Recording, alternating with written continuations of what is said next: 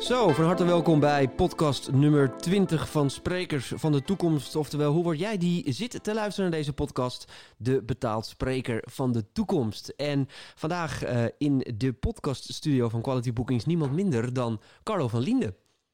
Ja, Carlo, van harte welkom uh, in deze podcastserie. Uh, voor de mensen die geen idee hebben wie jij bent, zou je eens een korte introductie kunnen geven van wat je nou eigenlijk precies doet en wie je bent en wat je allemaal gedaan hebt? Ik denk dat je het beste kan uh, samenvatten dat ik uh, mediaspecialist ben. Uh, ik ben van origine wel echt tv-maker. daar ben ik in Hilversum opgeleid en opgevoed. ik heb tien jaar lang Boulevard gemaakt, RTL Boulevard. Ik begon als stagiair, redactie, eindredactie, hoofdredactie. toen parallel daaraan RTL Late Night ontwikkeld. dat de eerste drie jaar gedaan. Toen nog een keertje uh, RTL Boulevard getransformeerd. Dus zeg maar van uh, Hilversum naar, uh, naar het Leidseplein. Dus ja, je zou kunnen zeggen het, boulevard met Albert naar het boulevard zonder Albert. En daarna nog ja, zeg maar drie jaar bij Talpa gewerkt om met, met de vraag of dat ik daar een, een nieuwsmerk wilde ontwikkelen voor heel Talpa Network. Dus dat was radio, tv, social en, en digital. Dus eigenlijk als het om content gaat, dan weet jij daar eigenlijk alles van. Uh, ja, verhalen vertellen. Uh, zeker uh, verhalen vertellen met video. dat is dan denk ik wel echt mijn expertise. Zeker ook shortform. Hè. Ik denk dat als je de twee termijnen bij elkaar optelt, zo'n kleine 13 jaar RTL Boulevard maken, dat, daar leer je wel echt in, in hele korte tijd een verhaal te vertellen. Hè. Reportages zijn niet langer dan anderhalve minuut bij Boulevard. Ja, want je zegt verhalen vertellen. Is dat eigenlijk platgeslagen wat content is? Of zou moeten zijn? Ja, denk het wel. Ja, kijk, je hebt daar natuurlijk een beetje de term uh, uh, storytelling. Uh, Maar je probeert altijd wel een verhaal te vertellen. Hè? Kijk, als een verhaal, als je geen verhaal vertelt, dan wordt het sowieso al moeilijk voor mensen om iets te onthouden. of om jou. wij denken ook in verhalen, dus verhalen slaan wij makkelijker op. plus dat ze ook wat meer emotioneren, wat entertaining zijn. Dus in je communicatie een verhaal vertellen. Uh, dat zou wel uh, mijn absolute uh, voorkeur hebben, ja. Nou, we, we, duiken zo meteen helemaal in de wereld van de content en ook een, hoe je nou ja, een, een, een, een merk rondom jezelf kan bouwen, storytelling rondom jezelf als spreker kan bouwen en dat uiteindelijk ook kan vertalen op social media. Hè? Want er zijn natuurlijk hoop sprekers die struggelen met hoe verkoop ik nou mezelf op social media. Wat ga ik nou wel vertellen, wat ga ik niet vertellen? Voelt af en toe een beetje schaamte. Nou, veel mensen voelen nog schaamte om dingen te posten. Hè? We hebben wel tegen elkaar gezegd, social media is natuurlijk ook een beetje de schaamte voorbij. Nou ja, hoe kan je dat trainen? Uh, misschien leuk om een kort stukje van je eigen proces daarin te vertellen. Uh, waarom je uiteindelijk op de podium terecht bent gekomen. Maar is even een hele korte zijstap. Uh, jij bent natuurlijk iemand die heel erg in de entertainmentwereld heeft gezeten. Nou ja, op het moment staat de entertainmentwereld een klein beetje in de brand, kunnen we wel zeggen.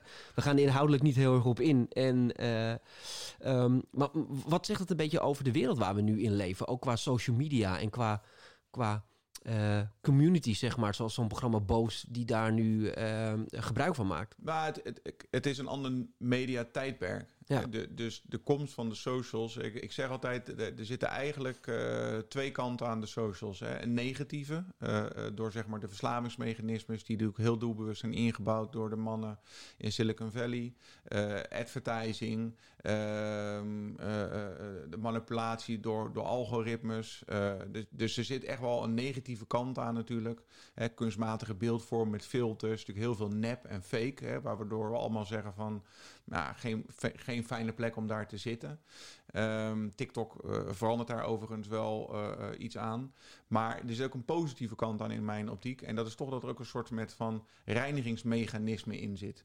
Omdat ik geloof heel erg dat je intrinsiek wordt opgeleid en opgevoed door te herkennen wat is echt en wat is nep. Want je hebt zo'n intieme één op één relatie met je mobiel. En daar ga je vaak aan voorbij. Maar als jij op jouw mobiel, jij, dat is gewoon echt een één op één relatie. In, naar een tv kijken is toch iets anders. Hè? Dus je toch vaak in iets andere context, van een woonkamer. Uh, zitten nog mensen om je heen. Maar de mobiel, ja, heb je dat bijna niet. Nou, en als je dan naar foto's gaat kijken op Instagram of naar video's, dan, dan voel je ongemerkt op een gegeven moment wat is echt en wat is nep. Wanneer word ik in de zijk genomen door een influencer die mij voor een karretje spant, zodat hij of zij daar commercieel gewin uit haalt. Ja, precies. Ja, exact. Ja, dus, dus daar, krijg je een, daar ontwikkel je een radar voor. En combineer dat met de mogelijkheid van, van de communicatie. Hè. De, de, socials worden natuurlijk gebruikt nu eigenlijk voor entertainment, voor nieuwsconsumptie en voor communicatie. Dus het is heel makkelijk met, uh, met, met direct messaging, met comments, uh, uh, om daar met gelijkgestemden of met grote groepen over onderwerpen te discussiëren. Nou, en, en dat zorgt ervoor, denk ik, dat een Boos, hè, een YouTube-kanaal waar Tim Hofman natuurlijk uh, in staat is geweest om een community aan zich te binden. Mensen die voor een bepaald thema staan, hè, eigenlijk toch ook wel een beetje de wereld een beetje oppoetsen. Want hij gaat natuurlijk al jarenlang achter onrecht aan, uh, met behulp van zijn community. Uh, maar ook de Juice Channels. Ik denk geen positieve ontwikkeling als je het kijkt naar de journalistieke aspecten. Hè? Want die gasten die knallen echt alles online wat ze in de inbox krijgen. Er zit weinig redactie op, zeg maar. Geen redactie op. Hè? Dus dat is echt gewoon plain cold, gewoon pompen. Uh, dus verwerpelijk. Ja. Maar wat je daar dus wel ziet, is dat die juice channels die drijven echt voor een heel groot deel op alles wat hun tussen aanleidingstekens gegund wordt. Uit de mensen die hun ook volgt. Hè? Dus uit die community.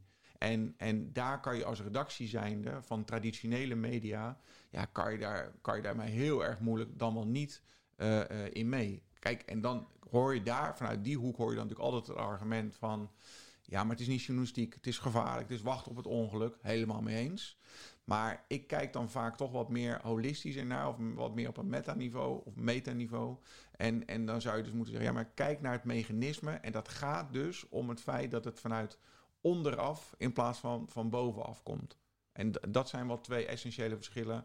Waardoor ik ook denk dat zo'n oproep van Tim Hofman hè, een paar maanden geleden van joh, is je ooit iets gebeurd bij een talentenjacht? Meld je. Ja. zijn communities zo bereidwillig om, dan, om dat gewoon gelijk te doen.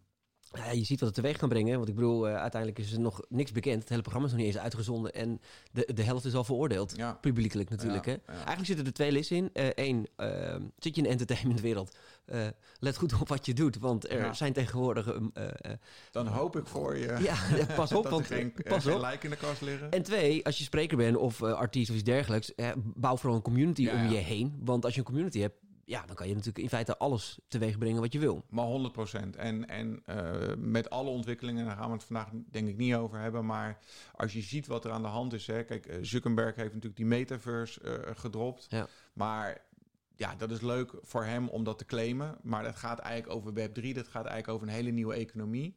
Dan zou je kunnen zeggen dat we nu in een soort creator economy, zitten. Dus die mensen, jongens en meisjes die, die thuis op een zolderkamer in staat zijn om goede video's te maken, zijn ook in staat om een community aan zich te binden. Maar de, de nabije toekomst gaat veel meer naar een, een community-economie. Dus het binden van grote scharen gelijkgestemden. Uh, en dat zometeen daar waarde uithalen, omdat je op de blockchain en uh, hele andere manieren krijgt om met elkaar af te rekenen. Uh, ja, die community wordt, wordt veel en veel belangrijker voor bedrijven, maar, maar ook voor, voor mensen die um, ja, iets, iets te verkopen hebben, ook juist als individuen. Nou, laten we snel gaan beginnen. Want voor mij hebben we een hele, hele hoop leuke dingen te bespreken met elkaar. Want er gebeurt een hoop ook op momenten uh, in social media land. Insane, insane veel. veel. Uh, dus ik denk dat we dat vandaag niet eens allemaal kunnen bespreken. Maar laten we eens kijken naar die community. Want daar wordt al veel over gesproken. Dat zeggen ook al veel mensen. Ik denk dat iedereen dat ook wel een beetje weet. Hè, van joh, ik moet eigenlijk een soort community om mijn brand heen bouwen. Of je, of je nou zelf dat brand bent. Of, of, of het is je product of het is je dienst waar begin je? Want ik merk gewoon in de praktijk nog steeds dat er heel veel. Nou, ik, ik noem hem dan uh, eventjes bij. Ik hou hem even bij de sprekers. Is dat er gewoon heel veel sprekers zijn die toch dat heel lastig vinden om dat op te bouwen. Ja. En je ziet een aantal dat heel erg slim doen. Maar het wordt dan vaak ook alweer heel snel corny. Ja. Hè? Degene die het lukt, dan wordt het snel alweer heel. Uh, ja, oké, okay, ja, hoe word je binnen een week miljonair? En dat, en dat soort dingen werken dan ineens heel snel. Maar hoe kan je dat nou gedegen opbouwen? Ja, uh, daar kunnen we een, uh, een podcast uh, vol over, over. Kijk, ik, nou, we zijn begonnen. Ten eerste zeg ik altijd: je begint door, door te beginnen. Hè, dat is eigenlijk het allereerste advies. En daar bedoel ik eigenlijk mee: je moet het serieus nemen. Hè, dus Omdat heel veel mensen uiteindelijk niet beginnen. Nee, nee de socials, ja. En net wat ik net zeg, kijk, we hebben daar natuurlijk toch nog steeds wel de associatie mee dat dat voor jongeren is die, die iets te narcistisch in het leven staan en, en zich graag willen uiten. En, uh, maar niet om een business te bouwen. Of, heb je het een beetje over de selfie-generatie. Uh, selfie-generatie, ja. de influencers die we allemaal kennen, de Arne Noesings van deze wereld. Ja, dat is natuurlijk toch een beetje het beeld wat we, wat we voor een heel groot deel, denk ik, uh, overhouden aan de socials. Ja, omdat we allemaal het idee hebben dat zijn vooral mensen die zichzelf heel erg graag zien, maar stiekem aan de achterkant gewoon een mega bedrijf aan het bouwen zijn. Exact, exact. Maar goed, laten we ervan uitgaan dat de mensen die naar deze podcast luisteren en het hebben over de socials, die willen dat ook. Ja. Die willen, willen het inzetten voor, voor, voor zakelijke doelen. Ja, alleen willen ze vaak niet dat. He, dus ze willen dus vaak niet de hele dag uh, met een telefoon een selfietje maken en zeggen: Kijk eens, mijn haar zit weer zo lekker vandaag. En, en dan moet je dus eigenlijk gaan, gaan kijken naar wat is nou een reden waarom uh, jij en ik mensen volgen uh, op social media. En in heel veel gevallen gaat dat toch om kennis delen. He, dus waar het om gaat is: jij volgt iemand in een bepaalde niche die voor jou van waarde is, omdat het een expert is en met jouw kennis deelt over zijn vakgebied, waarvan jij zegt, daar heb ik iets aan. Ja. dus er is in, in Ede is er een schildersbedrijf, schilderij, uh, schildersbedrijf Edens. Die uh, maken video's uh, van gewoon houttoetjes, maar gewoon met een mobiel. helemaal niet duur of professioneel. Hoe schilder ik een kozijn? kozijn ja. ja exact. Ja. Hoe, hoe, plak ik een kozijn af voordat ik ga schilderen? nou, dat soort gekkigheid. Maar echt enorm populair. Staan in de top 10 uh, op dit moment van YouTube Shorts. Hè, dat is een beetje een nieuwe uh, categorie voor YouTube. Uh, die zij snel omarmd hebben. Maar ze doen dat door kennis te delen. Hè? En bij zeker de, de, generatie die, die zeg maar 40 plus is, die is toch opgevoed met kennis is macht. Wat ik dan vertaal naar hoe meer kennis ik heb over een bedrijfsproces intern, hoe waardevoller ik ben voor het bedrijf. En hoe langer ik blijf zitten, daarom bleven mensen ook 20, 30 jaar zitten in een bedrijf, hoe meer waarschijnlijk het is dat ik carrière maak. Hè. Dus dan is kennis macht intern om carrière te maken. Dat was de manier om het te doen. En nu zeg ik, met die nieuwe generatie op de socials is kennis delen is machtig. Dus je moet je kennis delen, zodat jij als waardevol ervaren wordt. En dat is de reden waarom mensen jou willen volgen en iedere dag van jouw content willen zien. Ja, er zit ook een stukje in over die, wat ik vaak predik. Hè. Je moet een expertise durven te claimen. Hè, veel sprekers uh, in ons vakgebied zie je toch dat die, uh, ja, uh, bang zijn dat ze weinig werk hebben in één bepaald thema. Dus maar alle thema's gaan aansnijden. Je kan het en over innovatie hebben en over ondernemerschap en over dit. Maar zoals zo'n schilderbedrijf eigenlijk bewijst, is dat je denkt van ja, wie zit er nou te wachten op filmpjes over het afplakken van een kozijn? Nou ja, blijkbaar dus een hele hoop mensen. Blijkbaar doen een hele hoop mensen dat. Nou ja, dat is hetzelfde als als je gewoon een thema durft te claimen. God, ja, duurzaamheid is gewoon mijn expertisevlak. Dat maakt het aanmakkelijker om content te bedenken. Want des te breder je gaat, des te ingewikkelder er uh, uh, het elke dag wordt om iets te, iets te bedenken.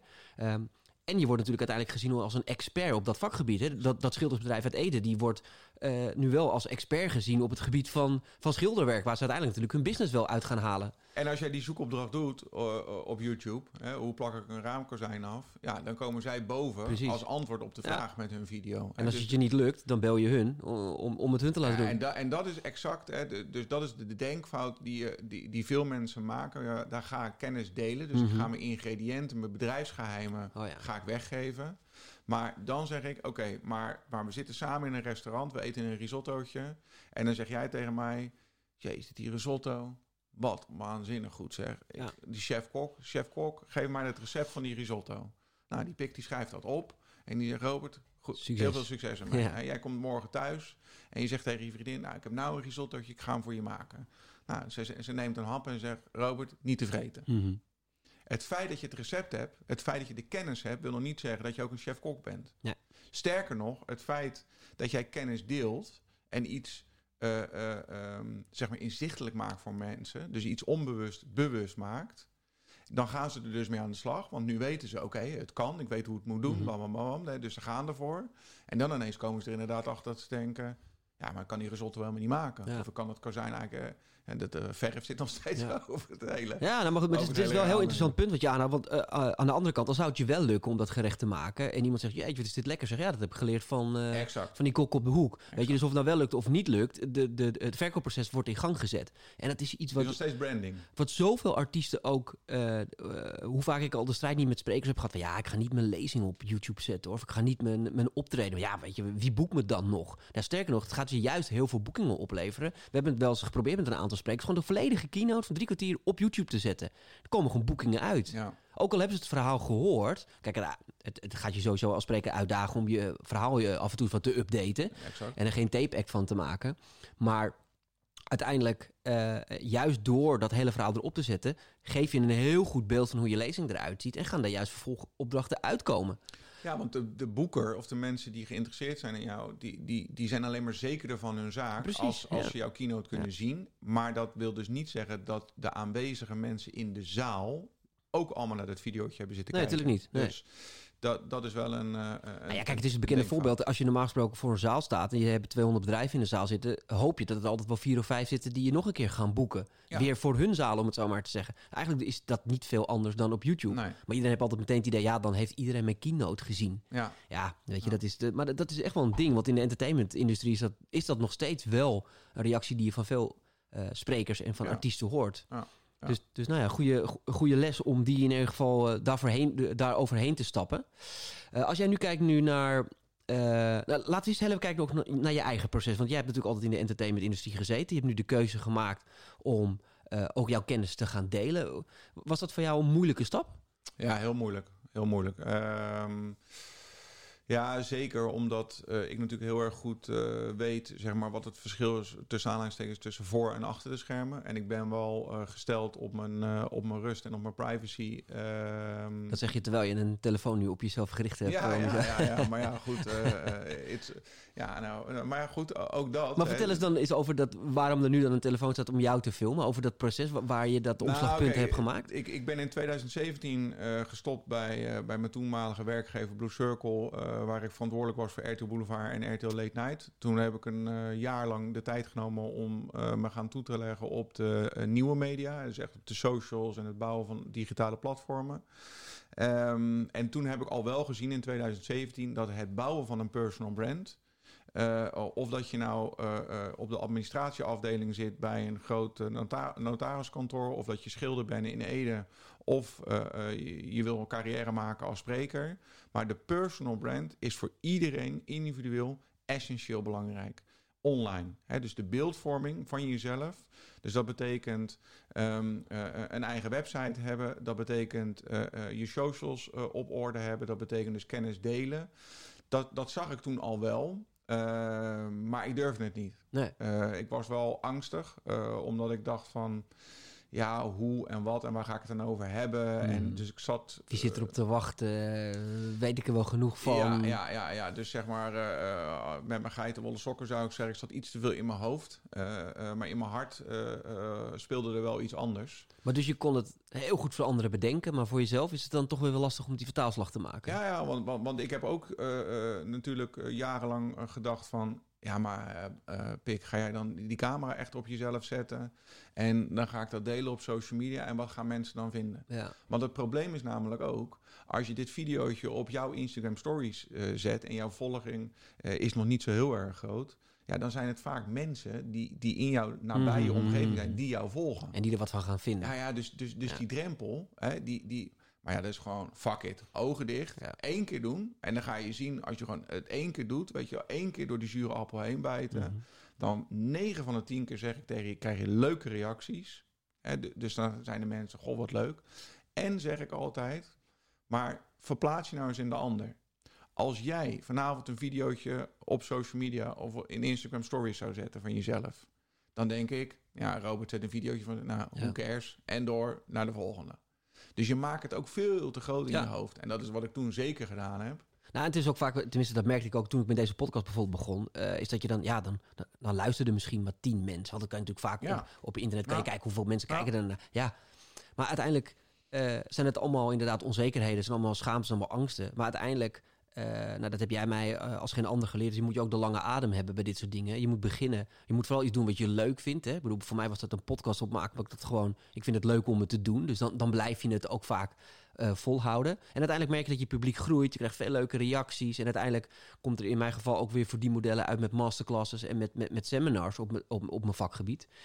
Maar zo is natuurlijk met iedereen. En dat is bij jou ook. Ik bedoel, je moet ergens een keer beginnen. Ja, en, en de socials. Uh, de, dus aan de ene kant is het inderdaad het beginnen. Kijk, uh, video is op dit moment echt uh, by far het leidende, de leidende vorm. En niet omdat het daar mijn eigen expertise zit, maar video, alle platformen, zeker onder invloed van TikTok, alles is video. Wat inmiddels de grootste is ter wereld, toch?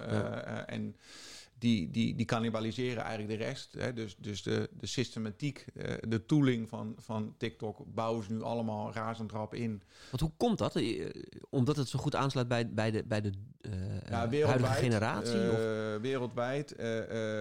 het wordt vooral geroemd omdat, ze, omdat de jongen daar toch authentiek zichzelf kunnen zijn. Geven ze zelf aan, de gebruikers. Dus de nepheid van Instagram, hè? het gefilterde, de perfecte ronde billen, oh et cetera. Dat zie je wat minder. Je kunt het wel vinden, maar je ziet het minder op TikTok. Uh, je kunt daar door middel van hashtags uh, in jouw eigen niche of in jouw eigen interesse echt alles vinden wat je wil. De schaal is natuurlijk uh, incredible, hè, dus het wereldwijd.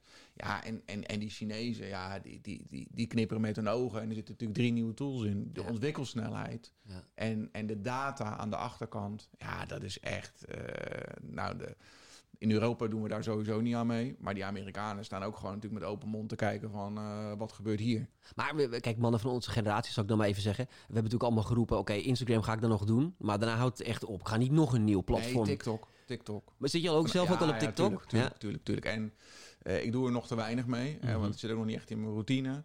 Maar, maar, maar is het ook voor onze doelgroep interessant? Ja, vergeet, vergeet dat dat van de dansjes is. En dat was okay. in de tijd van Musical.ly, hè, wat eigenlijk een beetje de voorloper was.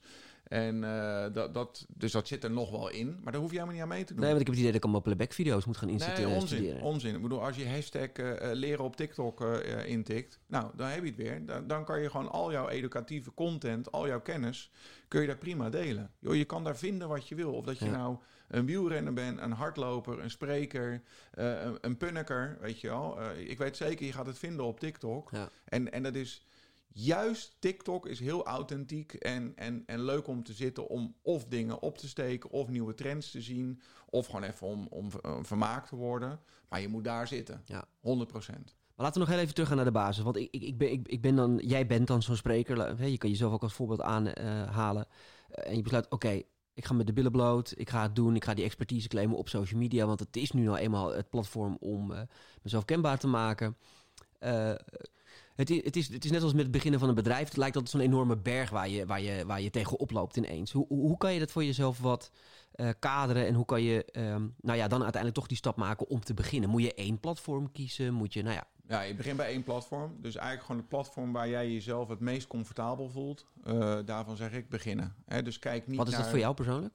Uh, op dit moment uh, LinkedIn. LinkedIn. Ja, uh, vind ik op dit moment gewoon het prettigst. Uh, uh, en dan is het uh, vooral ook kijken van ja, waar wil je onbekend staan? Hè? En, en toch ja, niet te veel. Ik zou vooral zeggen één expertise, één, één vakgebied. Het liefst wel iets waar je hart echt ligt, waar je echt gepassioneerd over bent, waar je bij spreken dagen over kan, over kan praten, waar je zelf veel over leest. Dus waar je zelf ook erg in geïnteresseerd bent en een sterke drang voelt om daar kennis over te delen. Nou, en dan zou ik gewoon zeggen, gewoon heel erg voorzichtig beginnen uh, op dat platform met die kennis uh, uh, te delen. En dat mag in het begin nog best wel breed zijn. Hè? Het is helemaal niet erg om voor jouzelf. Kijk, jij weet misschien nog helemaal niet in het begin wat is het precies.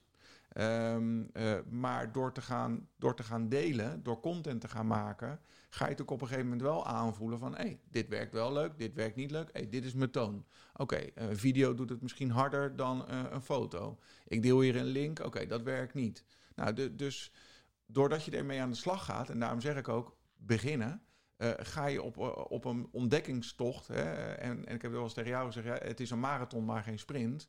Zodat je dat steeds beter en steeds uh, uh, sneller gaat, gaat uh, ontwikkelen. Zo, en en dat, dan wordt het leuk. Weet je? Op een gegeven moment ga je reacties krijgen, gaan mensen reageren onder je comments.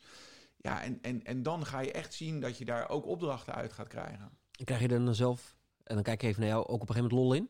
Ja, ik, ik, ik, ja, ik, ik heb mezelf, want ik stop er redelijk veel tijd in. Uh, uh, dus, uh, en ik hou godschuwelijk veel van mijn vrouw. En, en ik doe niks liever dan een burgerlijk leven leiden en op de bank zitten.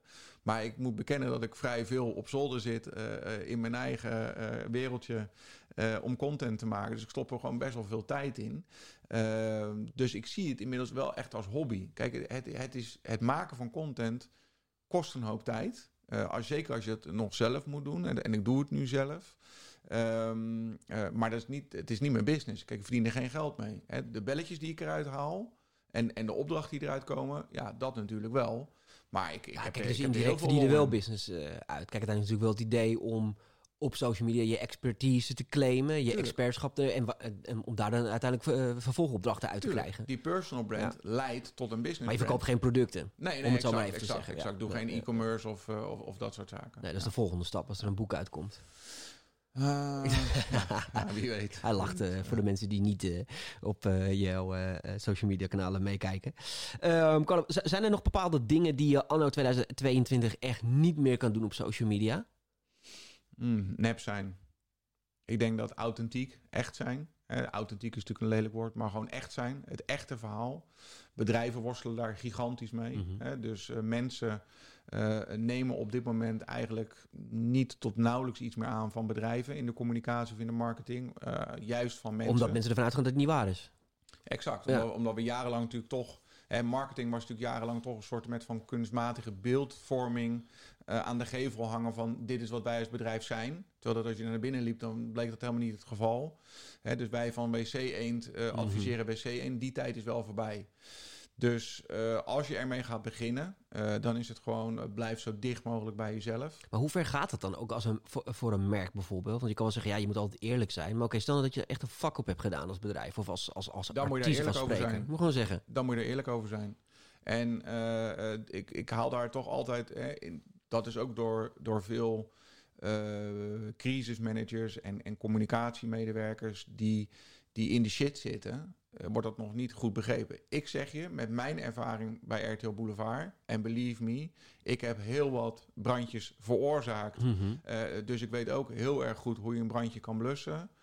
Als er shit aan de knikker is, gelijk ermee naar buiten komen. Gelijk zeggen. Niet ja, gaan verstoppen. Fout, nee, nee, Geen nee. leugens gaan zeggen om, om je leugens nee, af te nee, dichten. Nee, nee, nee, nee. Gewoon stap naar voren zetten, bidden bloot. Dat is het snelst om de snelste manier om er vanaf te zijn. Ook omdat mensen het dan misschien begrijpen of zo? Of misschien er, zich erin kunnen verplaatsen? Omdat... Maar, maar als, iemand, als iemand zegt van, als iemand bekend, ja, wat, wat ga je daar dan nog tegen in verweer brengen? Ja. En dan kan je nog even een discussie hebben van, joh, pannenkoek, waarom, waarom ja, deed je dat in godsnaam? Ja, ja, Maar zolang je het blijft ontkennen. Ja, ja, Natuurlijk, kijk, op, en de, de roddelbladen... Maar waarom kiest er dan toch ook zoveel personalities voor om altijd dan toch of hun mond te houden of, of nog een lulverhaal eromheen te bedenken?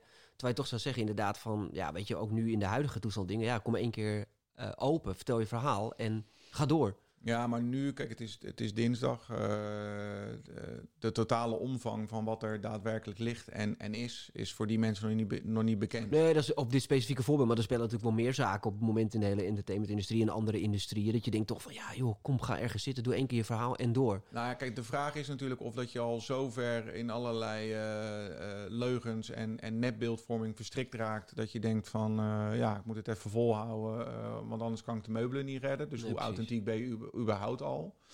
Dat is misschien ook wel een beetje de, de ja, om een Engels woord te gebruiken, de backlash die je nu gaat krijgen bij, bij bedrijven waar nog wat uh, lijken en, en ook bij personen waar nog wat lijken naar uit, uit de kast komen. Um, maar ja, ik denk dat het ook een beetje natuur is, toch? Hè? Dat, dat je intrinsiek denkt, shit. Ik, uh, ja, maar, maar de makkelijkste manier ook voor jezelf uh, is toch gewoon om eerlijk te zijn. Ja. En om te zeggen, uh, ja, ook al doet het pijn, maar wel gewoon om te zeggen hoe het echt zit. En dan voorspel ik je dat je er, uh, dat dat het snelste is hoe je er vanaf bent. Er zit maar, ook een les in overigens voor. Ik bedoel, we hebben ook wel eens bijvoorbeeld op een kantoor klachten gekregen over sprekers. Hè? Van joh, nou, goh, we hebben die, die spreker geboekt, maar nou, hij kwam veel te laat en uh, de, hij weet het, had zich niet goed ingelezen en had maatwerk beloofd, maar er werd uiteindelijk geen maatwerk geleverd. En wij merken altijd dat de sprekers die gewoon zeiden van, nou ja, goed, ik, ik hoor wat je zegt en ik herken me inderdaad in een aantal punten. Ja, mijn excuses hiervoor, mijn excuses daarvoor, maar voor, voor mijn gevoel was het zo en zo. Die zaken lost hij altijd veel sneller op. Dan spreken ze, ah, dan slaat helemaal nergens op. Het was de organisatie zijn schuld. Ze hadden dit niet voor elkaar en dat niet voor elkaar. En hierdoor ben ik niet goed uit de verf gekomen merkte hij dat het een veel langer en, en doorslepend proces werd dan iemand die gewoon zei: ja, ja, ja, je hebt ook misschien wel gelijk, ik had ook mijn dag niet. Exact. Exact. En, en... Want dat begrijpen bedrijven ook. Van, ja, ja, ja, hij kan ook een keer zijn dag niet hebben. Exact. En, en dan, dan manage je het, denk ik, op de, uh, op de correcte manier. Uh, ja, in, een omgang met iemand is dat ook wat je het liefste wil. Maar het is een beetje het menselijk ego om, om gelijk in verweer te komen. Kijk, als je aangevallen wordt op jouw zijn, ja, dan is toch je eerste reactie om daar tegen in het verweer te komen. Terwijl dat um, ja, in een bepaalde mate egoloos zijn of, of realistisch zijn. Hè, dat is iets anders dan over je heen laten lopen. Maar uh, ja, dat kan wel een, eh, een, een, een heel fijn gesprek opleveren en je heel snel uit de problemen halen. Als je dan gaat kijken naar social media, uh, wat ik heel vaak hoor van sprekers ook is, ja, maar dan moet ik uh, privéfoto's gaan delen en dan moet ik, moet ik, uh, zit daar een bepaalde verdeling in als je, als je hem zakelijk gebruikt hè, en, je, en je bent zelf het personal brand, laat het even daar, daarop houden dan. Moet je dan ook dingen van privé delen? Nee, nee, dat is ook een misvatting. Ik denk, kijk, jij bepaalt wat jij deelt en jij bepaalt het beeld wat jij wil creëren van jezelf.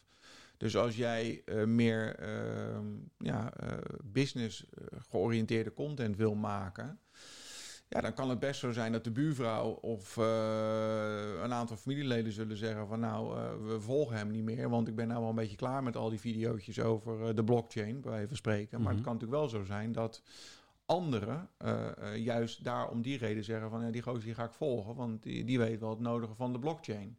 Dus um, als dat je doel is, dan, dan, nee, dan moet je juist business content delen. Maar er zijn geen geschreven regels in. Dus er is niet iets van, ja, als je 80-20 ja, doet, LinkedIn dan... is natuurlijk wat meer, is, is, is wat meer business. Ja. En daar zie je wel overigens dat de persoonlijke toon... Uh, uh, gerelateerd aan je business, dat dat heel goed werkt op LinkedIn. Uh, kijk, Instagram is natuurlijk echt een foto. Dat wordt wel video, maar dat is natuurlijk wat meer persoonlijk. Maar dus daar kan je af en toe wel eens een keertje een privé uh, fotootje delen. Maar ik kan me niet heugen uh, wanneer ik uh, voor de laatste een, een privéfoto heb gedeeld op, op Instagram. Moeten we Facebook inmiddels al gewoon echt links laten liggen? Nee, nee, nee. Want Facebook is, is, is nog steeds wel heel erg krachtig wat betreft advertising. en, en, en conversie vanuit Facebook is echt nog wel echt hoog. Wat is zo gek, want dat merk je inderdaad ook wel inderdaad met, met advertising op Instagram en zo. Dat, je ziet toch wel op Facebook daar toch wel behoorlijke conversie nog op zitten. Ja, ja, ja, ja. Dus, dus mensen... Terwijl het hetzelfde bedrijf is. Ja, maar wel een ander platform. Uh, de groep is veel groter. Er zitten ongeveer 11 miljoen mensen op Facebook. Ongeveer uh, eh, 5,5 op Instagram. Bijna 6 miljoen in Nederland op Instagram. Dus dat is ook wel een groot verschil. Hè. Dus, dus Facebook is in principe qua accounts ja. al wel twee keer zo groot. En de echte consumerende uh, doelgroep zeg maar, zit nog wel op Facebook natuurlijk. Het is toch wel wat, wat ouderen inmiddels ja. die erop zitten. Ja. Ja. Toch een beetje de oude mannenclub geworden, Facebook. Ja, een beetje de tv-kijker. Ja. nou ja, goed, maar ja, die wel consumeert natuurlijk uiteindelijk. Zeker, die gewoon koopt en, en, en uh, ja, de, die zitten daar. Dus Facebook moet je zeker niet afschrijven. Uh, moet je zeker wel in je mix meenemen. Maar uh, nogmaals, ja, het gaat er vooral om waar voel jij je comfortabel. Ja. ja wat voor het organische bereik, hè, om het maar even zo te noemen, is het, heb ik weer het gevoel dat het weer wat minder doeltreffend is. Ja, Facebook. ja 100 procent. Uh, uh, maar dat komt natuurlijk ook omdat ze. En ik denk, mijn vermoeden is dat Instagram nu datzelfde pad op gaat. Hè, dus wat Instagram was voor Facebook, uh, is TikTok nu voor Instagram. Dus Facebook was natuurlijk de place to go. Nou, toen kwam Instagram. Nou, de jeugd omarmde dat. En op een gegeven moment gingen die oudjes daar ook naartoe. En lieten Facebook eigenlijk achter zich. Maar wat je dan natuurlijk ziet, is dat Facebook ja, aan dat platform gaat lopen sleutelen om te proberen die, die volgers, of sorry, die gebruikers ja, op, de platform, op de platform, om, om dat platform populair te houden. En datzelfde zie je nu uh, met de komst van TikTok, zie je nu gebeuren bij Instagram. Ik zie het zomaar nog aan gebeuren dat in 2022 uh, uh, Instagram zijn, zijn foto-DNA, wat natuurlijk in hardcore gewoon het ontstaan van Instagram is, dat ze dat gaan loslaten, omdat ze helemaal op video gaan. Kijk, je hebt nu die reels op je feed, je hebt natuurlijk de stories, het is allemaal verticaal. Dus het is in principe een kleine stap om dat nog een keertje te versmelten en meer op video te gaan zitten dan op foto. Want je bent ook echt een prediker van het verticale uh, film, hè? Ja, omdat de consument verticaal consumeert. Hè, dus we zijn natuurlijk opgevoed met, met horizontaal. Dat is hoe de tv hangt. Hè. 16 bij 9 noemen we dat in vaktermen. Mm Die zijn omgedraaid. Ja, die, die mobiel is 9 bij 16. Dus als je die gewoon in je hand houdt, zoals je ook appt, dan, dan hebben we het over verticaal. Nou, de, de consument consumeert verticaal. Want jij zit namelijk uh, vanavond langer in Instagram stories, stories dan dat je op de feed zit naar foto's zit te scrollen. Dat, dat, doen mensen bijna al niet meer. Uh, uh, TikTok is verticaal. Snapchat is verticaal. He, 80% van de video's die verticaal uh, aangeboden worden, worden uitgekeken. Zeker als je er ook nog even ondertiteling onder zet. Dus ja, dat is belangrijk. Hè? Die, die, zet je er even snel tussen. Maar ondertiteling is wel echt een, uh, essentieel voor social media. Ja, want de meeste mensen hebben hun uh, mobiel, het geluid van de mobiel hebben ze uitstaan. Mm -hmm. Dus als je wil dat je video uitgekeken wordt, ga dan gewoon de boel ondertitelen. Um, ik zal je een linkje geven. de naam ont, ontschiet me eventjes. Maar ik heb laatst een platform gevonden voor ondertiteling. Echt goud. Oké. Okay. Die herkent het zelf of zo? Of? Euro, eurotje per minuut. Handmatig uh, eronder gezet. Het is echt... Uh, want ondertiteling is vaak echt een hersel om te doen. Ah, handmatig eronder gezet? Nee, hij dus, hij doet het met... Ze doen het met AI. Het is een Spaans platform. ze zetten er... Um, uh, op basis van artificial intelligence zetten ze de ondertiteling onder. En dan kun je nog de optie doen van... joh, wil je ook nog dat wij hem even uh, helemaal voor 99% correct afleveren bij je? Dan zeg je, ja, tuurlijk. Nou, dan kost het je een minuut of een euro per minuut. Nou, en dan uh, kan je op dat platform... Je hebt jouw video geüpload, heb je de ondertiteling... dan kan je hem nog een beetje fine-tunen. Eventueel hier een punt en een komma aanpassen. Nou, je knalt hem eruit en je bent klaar. Ah, is echt... maar je weet niet meer hoe het heet. op dit moment. Ja, ik zoek het op. Ik heb het hier. maar wel bijzonder. Dus dat, maar, maar als je dus kiest voor de optie dat ze het... Happyscribe.com. Oh, happyscribe.com. Ja. Nou, helemaal top. Maar uh, weet dat dan... Uh, dan gaat er iemand uiteindelijk achter zijn computer het nog eventjes uh, voor jou ja, mooi ik, maken. Dat denk ah, ik. Okay, dus dat is niet met AI, AI zeg maar. Nee, want, want AI is, is goed, maar ken nog wel heel veel kinderziek en is niet foutloos. Ja, ja, dus dat heeft nog even nodig. Dat gaat natuurlijk wel komen. Uh, maar vooralsnog is een, is een, is een uh, manuele uh, check nog wel even nodig. Goeie tip, goeie tip. Um, als we eens gaan kijken naar de nieuwste ontwikkelingen. Hè, je noemde het al even, die metaverse van, van, ja. van Mark. Hè, die probeert hem heel erg naar zichzelf toe te trekken, natuurlijk, ja. die hele ontwikkeling. Is dat iets waar we nu al wat mee moeten? Of moeten we dat even lekker nog even aan gaan kijken hoe ze dat gaat ontwikkelen? Ja, ik denk, je hoeft er denk ik nog niks mee. Maar je moet wel de zeker de ontwikkeling in de gaten houden. Want, want wat is het nou precies? Uh, het is eigenlijk waar, waarvan we zeggen, het is het nieuwe, het nieuwe internet. Hè? Dus het internet nu is eigenlijk een plek, is plat, is eigenlijk 2D. Hè? Dus je hebt een scherm en uh, je surft naar een website toe.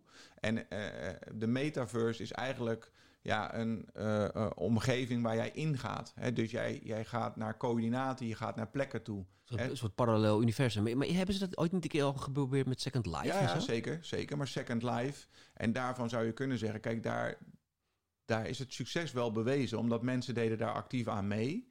En mensen kochten daar ook. En dat is natuurlijk wel belangrijk. Vast goedkoop en zo exact, volgens mij, toch? Ja. Dus mensen gaven geld uit aan Second Life.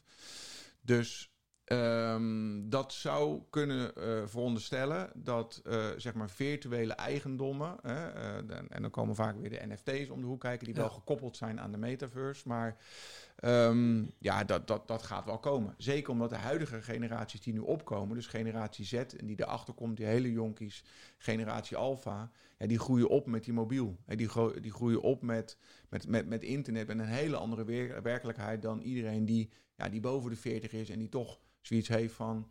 Ja, het is me overkomen, ja. uh, maar ga, ga, lekker het bos in om een stukje te lopen. Maar, maar denk je dat dat ook echt gaat pakken? Dat, dat, dat mensen dat ook gaan doen? Dat we in een soort parallel universum, digitaal, gaan rondlopen met, met elkaar de hele dag? Of wordt het ook gewoon een entertainment functie? Dat je even aan het einde van de dag eventjes ja, de, de metaverse ingaat. Niet, niet, niet de hele dag, dat geloof ik niet. Want ik denk dat dat... Uh, maar ja, als je ziet wat er aan de hand... De, de, ontwikkelingen... Kijk, waar ik vooral naar kijk is bijvoorbeeld Frans Bromet. Hij heeft ooit een video gemaakt, dat weet je nog wel, in Amsterdam... dat hij de straat op ging en dat hij aan mensen ging vragen... gaat u ooit met een mobiele telefoon... Ja, in 1999 was dat. Ja, het bekende filmpje. Nou, ja. Okay, ja, we weten hoe dat is afgelopen. Als je nu gaat kijken naar daar kijk ik dan althans naar, als mensen een VR-bril opzetten, wat is dan hun reactie daarna? Zeggen ze dan van, nou, dit nooit meer? Mm -hmm. Of zeggen ze van, wow, dit was echt. Iedereen die die ervaring heeft met een VR-bril, die zegt, wat de fuck was dit? Ja.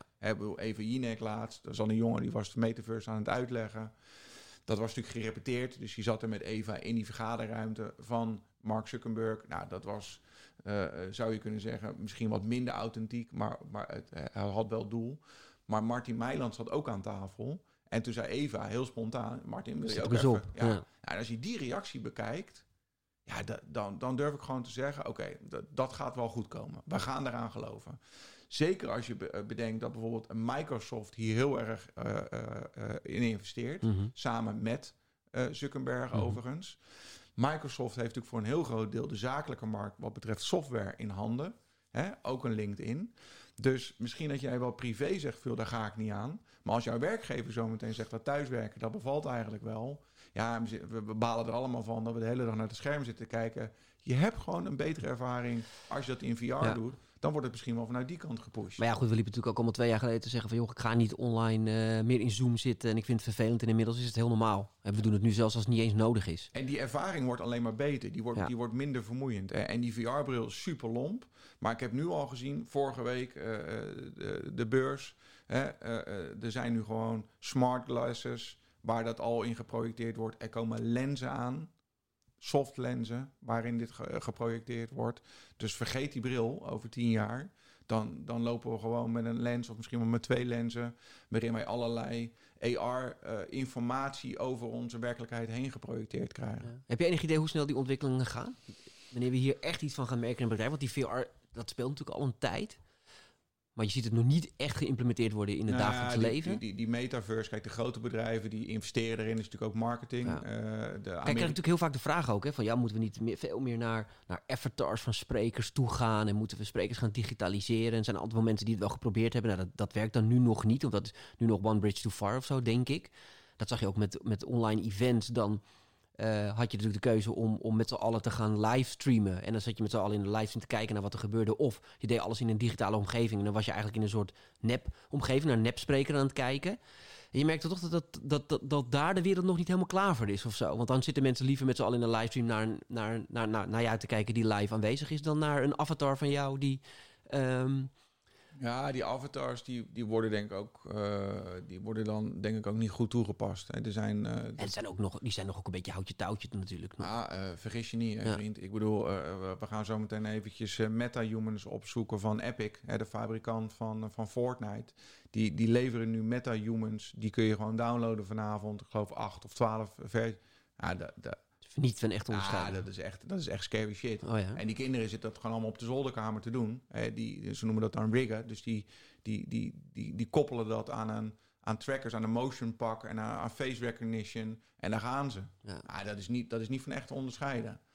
Uh, Kom wel een gekke wereld terecht. Ja, ik, ik, op zich vind ik wel weer grappig, want je bent heel snel nu geneigd om te gaan zeggen: ja, we komen straks in een hele gekke wereld terecht. En god gaat dat uh, straks, als dat allemaal maar straks goed gaat. Maar ja, dat zeiden vroeger mensen ook over ja, internet. Maar de, risico's zijn, de risico's zijn wel echt groot. Zeker ook met die. Maar groter dan hoe we dat inschatten toen we naar social media keken of toen we naar mobiele telefonie keken? Of zit daar nu, nu een echt een grotere gevaar aan vast? Ja, social media hebben we natuurlijk te laat uh, ontdekt wat daar het probleem echt was. Hè? De, dus zeg maar de ja, de graaikultuur in Silicon Valley uh, en, en zeg maar de, de datahonger uh, is daar denk ik gewoon te laat ontdekt. En dat zijn we nu liever alleen met de regelgeving een beetje aan het repareren.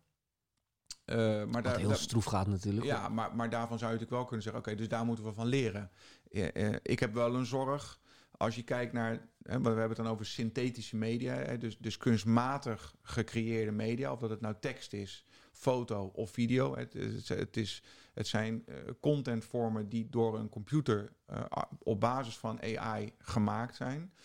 Ja, als je dan gaat kijken naar video, hoe goed dat al is, wat daarmee gemaakt wordt. Hè. De, de deepfakes zijn daar natuurlijk een voorbeeld van. En nogmaals, zijn ook hele mooie voorbeelden van. Maar de deepfakes, ja, dan, dan zou je kunnen zeggen: oké, social media is het probleem. Daar zijn jij en ik gepakt op basis van onze privacy. En, en onze data uh, zijn verhandeld aan de hoogste bieder. Maar we gaan zo meteen natuurlijk een tijdperk in. Als we dat niet goed regelen, en we gaan dat niet goed regelen, kan nee, ik je precies. zeggen. De enige die dat nu goed regelen, want ze hebben het al goed geregeld, zijn de Chinezen. Mm -hmm. is natuurlijk dat we ons bij iedere video, uh, uh, misschien wel iedere tekst, iedere foto gaan afvragen. Is dit echt? Is dit wel echt? Ja. Wat je, wat je natuurlijk al op social media nu al hebt. Dus de betrouwbaarheid van onze informatievoorziening Hè? En in Nederland is die betrouwbaarheid nog hoog. Maar dat georeer van Trump over, over fake news, nou, daarvan kan je allemaal zeggen, nou, met een beetje gezond verstand kan ik wel het verschil eh, zien tussen is dit wel, of klopt dit wel of klopt dit niet. Maar dat ga je zo meteen niet meer zien. Ja, met en die dat is deepfake technologie, want ik zie dat wel eens bij, bij een spreker, Christian Kromme, die laat veel van dat soort filmpjes zien, hoe, hoe ver die techniek inmiddels nu is.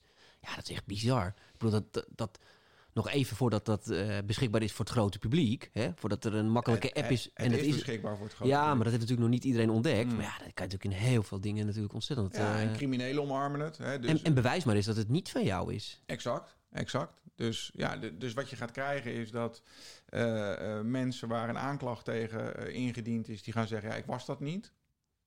is gefaked. Ja. Hè? ik ben erin geshopt of ik ben daar nooit geweest... of het is, het is een fabrikage. Ja, dus je gaat daar nogmaals criminelen die gebruiken het nu al. Er, is laatst een CEO opgelicht op vrijdagmiddag die even 240.000 dollar heeft overgemaakt omdat de CEO van het moederbedrijf, wat hij dus niet was, maar gekloond was en, en hem opdracht gaf om als de, als de brandweer dat geld over te maken. Dat had hij gewoon in, in een filmpje eh, tegen ja, nee, uh, telefonisch. En hij dacht van, uh, ja, ik, oh, ik gewoon een stem uh, ik, hoor dat, ik hoor toch dat hij het is. Dus dat hij die stem gekloond. Wauw. Bizar. Ja, ja, Maar nogmaals, er zijn ook. Hè, je ziet ook dat bijvoorbeeld um, mensen hun privacy beschermd worden door AI. Mhm. hè, door, door die kunstmatige intelligentie. Er zijn bijvoorbeeld uh, interviews blockchain, geweest. Noem je dat soort dingen? Of? Nee, maar bijvoorbeeld interviews met, uh, met um, mensen van een andere geaardheid in Rusland. die dan op basis van deze techniek een ander soort gezicht krijgen. Maar in interviewvorm nog wel, heb je dan wel thuis het idee dat je nog naar een, hè, naar een mens zit te kijken. Mhm. dus, dus dan wordt zeg maar een soort met van de techniek gebruikt om toch iets aan de kaak te stellen en iets mogelijk te maken. Ja, oké, precies. Zonder dat, dat, dat diegene herkenbaar was. Ja, ja precies. Hey, en nou ja, jij als entertainment-deskundige, om het zo maar even te zeggen. Een rotwoord, entertainment-deskundige, maar goed. Mag. We noemen hem even. hoe gaat het dat in die entertainmentwereld vertalen? Hoe gaat dat straks naar de, naar de, naar de lineaire tv bijvoorbeeld toe? Of hoe, hoe gaat die crossover komen? Ja, ik, had, ik heb me altijd voorgenomen om, om me daar niet meer... Nee, niet meer daar, Nee, omdat ik daar redelijk... Uh, kijk, ik wil geen zure zult zijn die daar, uh, die zeg maar uh, op mijn voormalige leergrond zeg maar gaat staan. Nou, laten we de tv dan vergeten, maar laten we het dan eens naar de entertainment-industrie... Laat, la, laat ik het zeggen, kijk, ik denk dat de innovatie op uh, gebied van uh, de socials, hè, dus zeg maar daar waar de massa nu zit, daar gaat het mij vooral om, ja, wordt gewoon te weinig en veel te langzaam omarmd. Dus gebrek aan kennis, maar ook waar we in dit gesprek mee begonnen, het voor, voor, voor vol aanzien en het omarmen en daar je producties op inrichten, gebeurt gewoon veel te weinig. en het gevolg is dan dus aan de ene kant dat je programma's uh, ziet die helemaal niet aansluiten bij vormen, hè, bij, bij mediavormen die je op de socials ziet. Hè, dus, dus daar waar we aan gewend raken, of dat wat we vooral consumeren, is ook waar we aan gewend raken. Hè, uh, Marshall McLuhan zei ooit: uh, The medium is the message. Nou, een goede vriend van hem, Culkin, die zei: We become what we behold. First we shape our tools and then our tools shape us. Mm -hmm. Dus als jij massaal op de socials zit, nogmaals, mensen zitten gemiddeld 2,5 uur per dag, mind you, op de socials, dan zou je kunnen zeggen dat het ook langzaam ons denken kneedt. Dus ons gedrag en onze opvattingen, die ontstaan vanuit die socials. Ik denk ook dat we een hele verwitte maatschappij leven, waarin iedereen maar vindt dat hij van alles moet kunnen zeggen bij de bakker, in de auto, allemaal in korte lontjes. Waarom? In mijn optiek, niet onderzocht, uh, psychologie van de koude grond omdat je onder iedere tweet, onder iedere post, kun je ook je gal spuwen. Mhm. Dus waarom zou ik dat niet doen hier als ik jou tegenkom en ik denk, joh, jouw auto staat een halve centimeter verkeerd. Ik heb het volle recht om daar een comment op te plaatsen. En dat gegeven, nou, de nieuwsmedia, als we kijken naar de kranten, helemaal dramatisch. TV is natuurlijk wat beperkter, want die vorm, ja, wat moet je daarmee? Maar ja, ik denk wel dat er nog heel veel winst te behalen is om andersoortige programma's te maken die het publiek uh, weer wel uh, zullen aanspreken. En er wordt nu heel veel tv gekeken overigens, hè, maar um, ja, ik, ik, ik zie dat wel, dat die ontwikkeling staat wel een beetje stil, voor mijn gevoel. Ik denk dat donderdagavond een hele hoop mensen tv uh, weer gaan dat kijken. denk ik ook. Ja, gisteravond, uh, maandag, was het natuurlijk ook uh, skyrocking high. Ja. Dus ja, je zou bijna denken dat het ervoor zorgt, hè, de, de, val van The Voice zorgt voor een, een uphill battle voor de overige programma's. Ja. Hey, nog, nog even tot slot.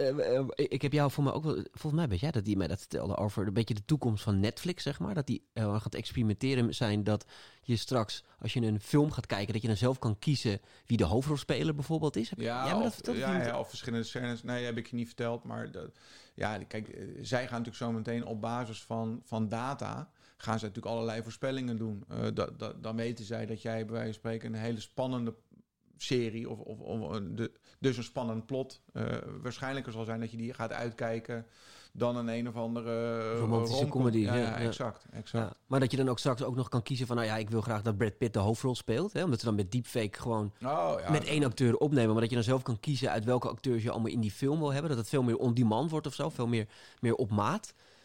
Ja, die had ik nog niet gehoord, maar de, nee, uh, als je kijkt wat er, wat er kan met deepfake, uh, absoluut. Ja. Uh, dus, dus het personaliseren, daar heb je het dan over. Dat doet TikTok overigens ook fantastisch. Hè? Dus je hebt een, een stream voor jou en een stream om, van mensen die je volgt. Hè? Dus je kan eigenlijk heel makkelijk tappen tussen twee content streams. Ja, dat algoritme, dat is zo gepersonaliseerd voor iedereen bij TikTok. dat, is, dat is echt super. Maar, maar nogmaals, die Chinezen, of die Chinezen, maar de Chinezen als je kijkt wat zij doen met, met data en hoe zij dat doorvertalen naar productontwikkeling en dergelijke, dat is echt, dat, dat, is echt onvoorstelbaar. Echt, echt onvoorstelbaar wat ze daar doen. Maar dat komt natuurlijk vanzelf deze kant op.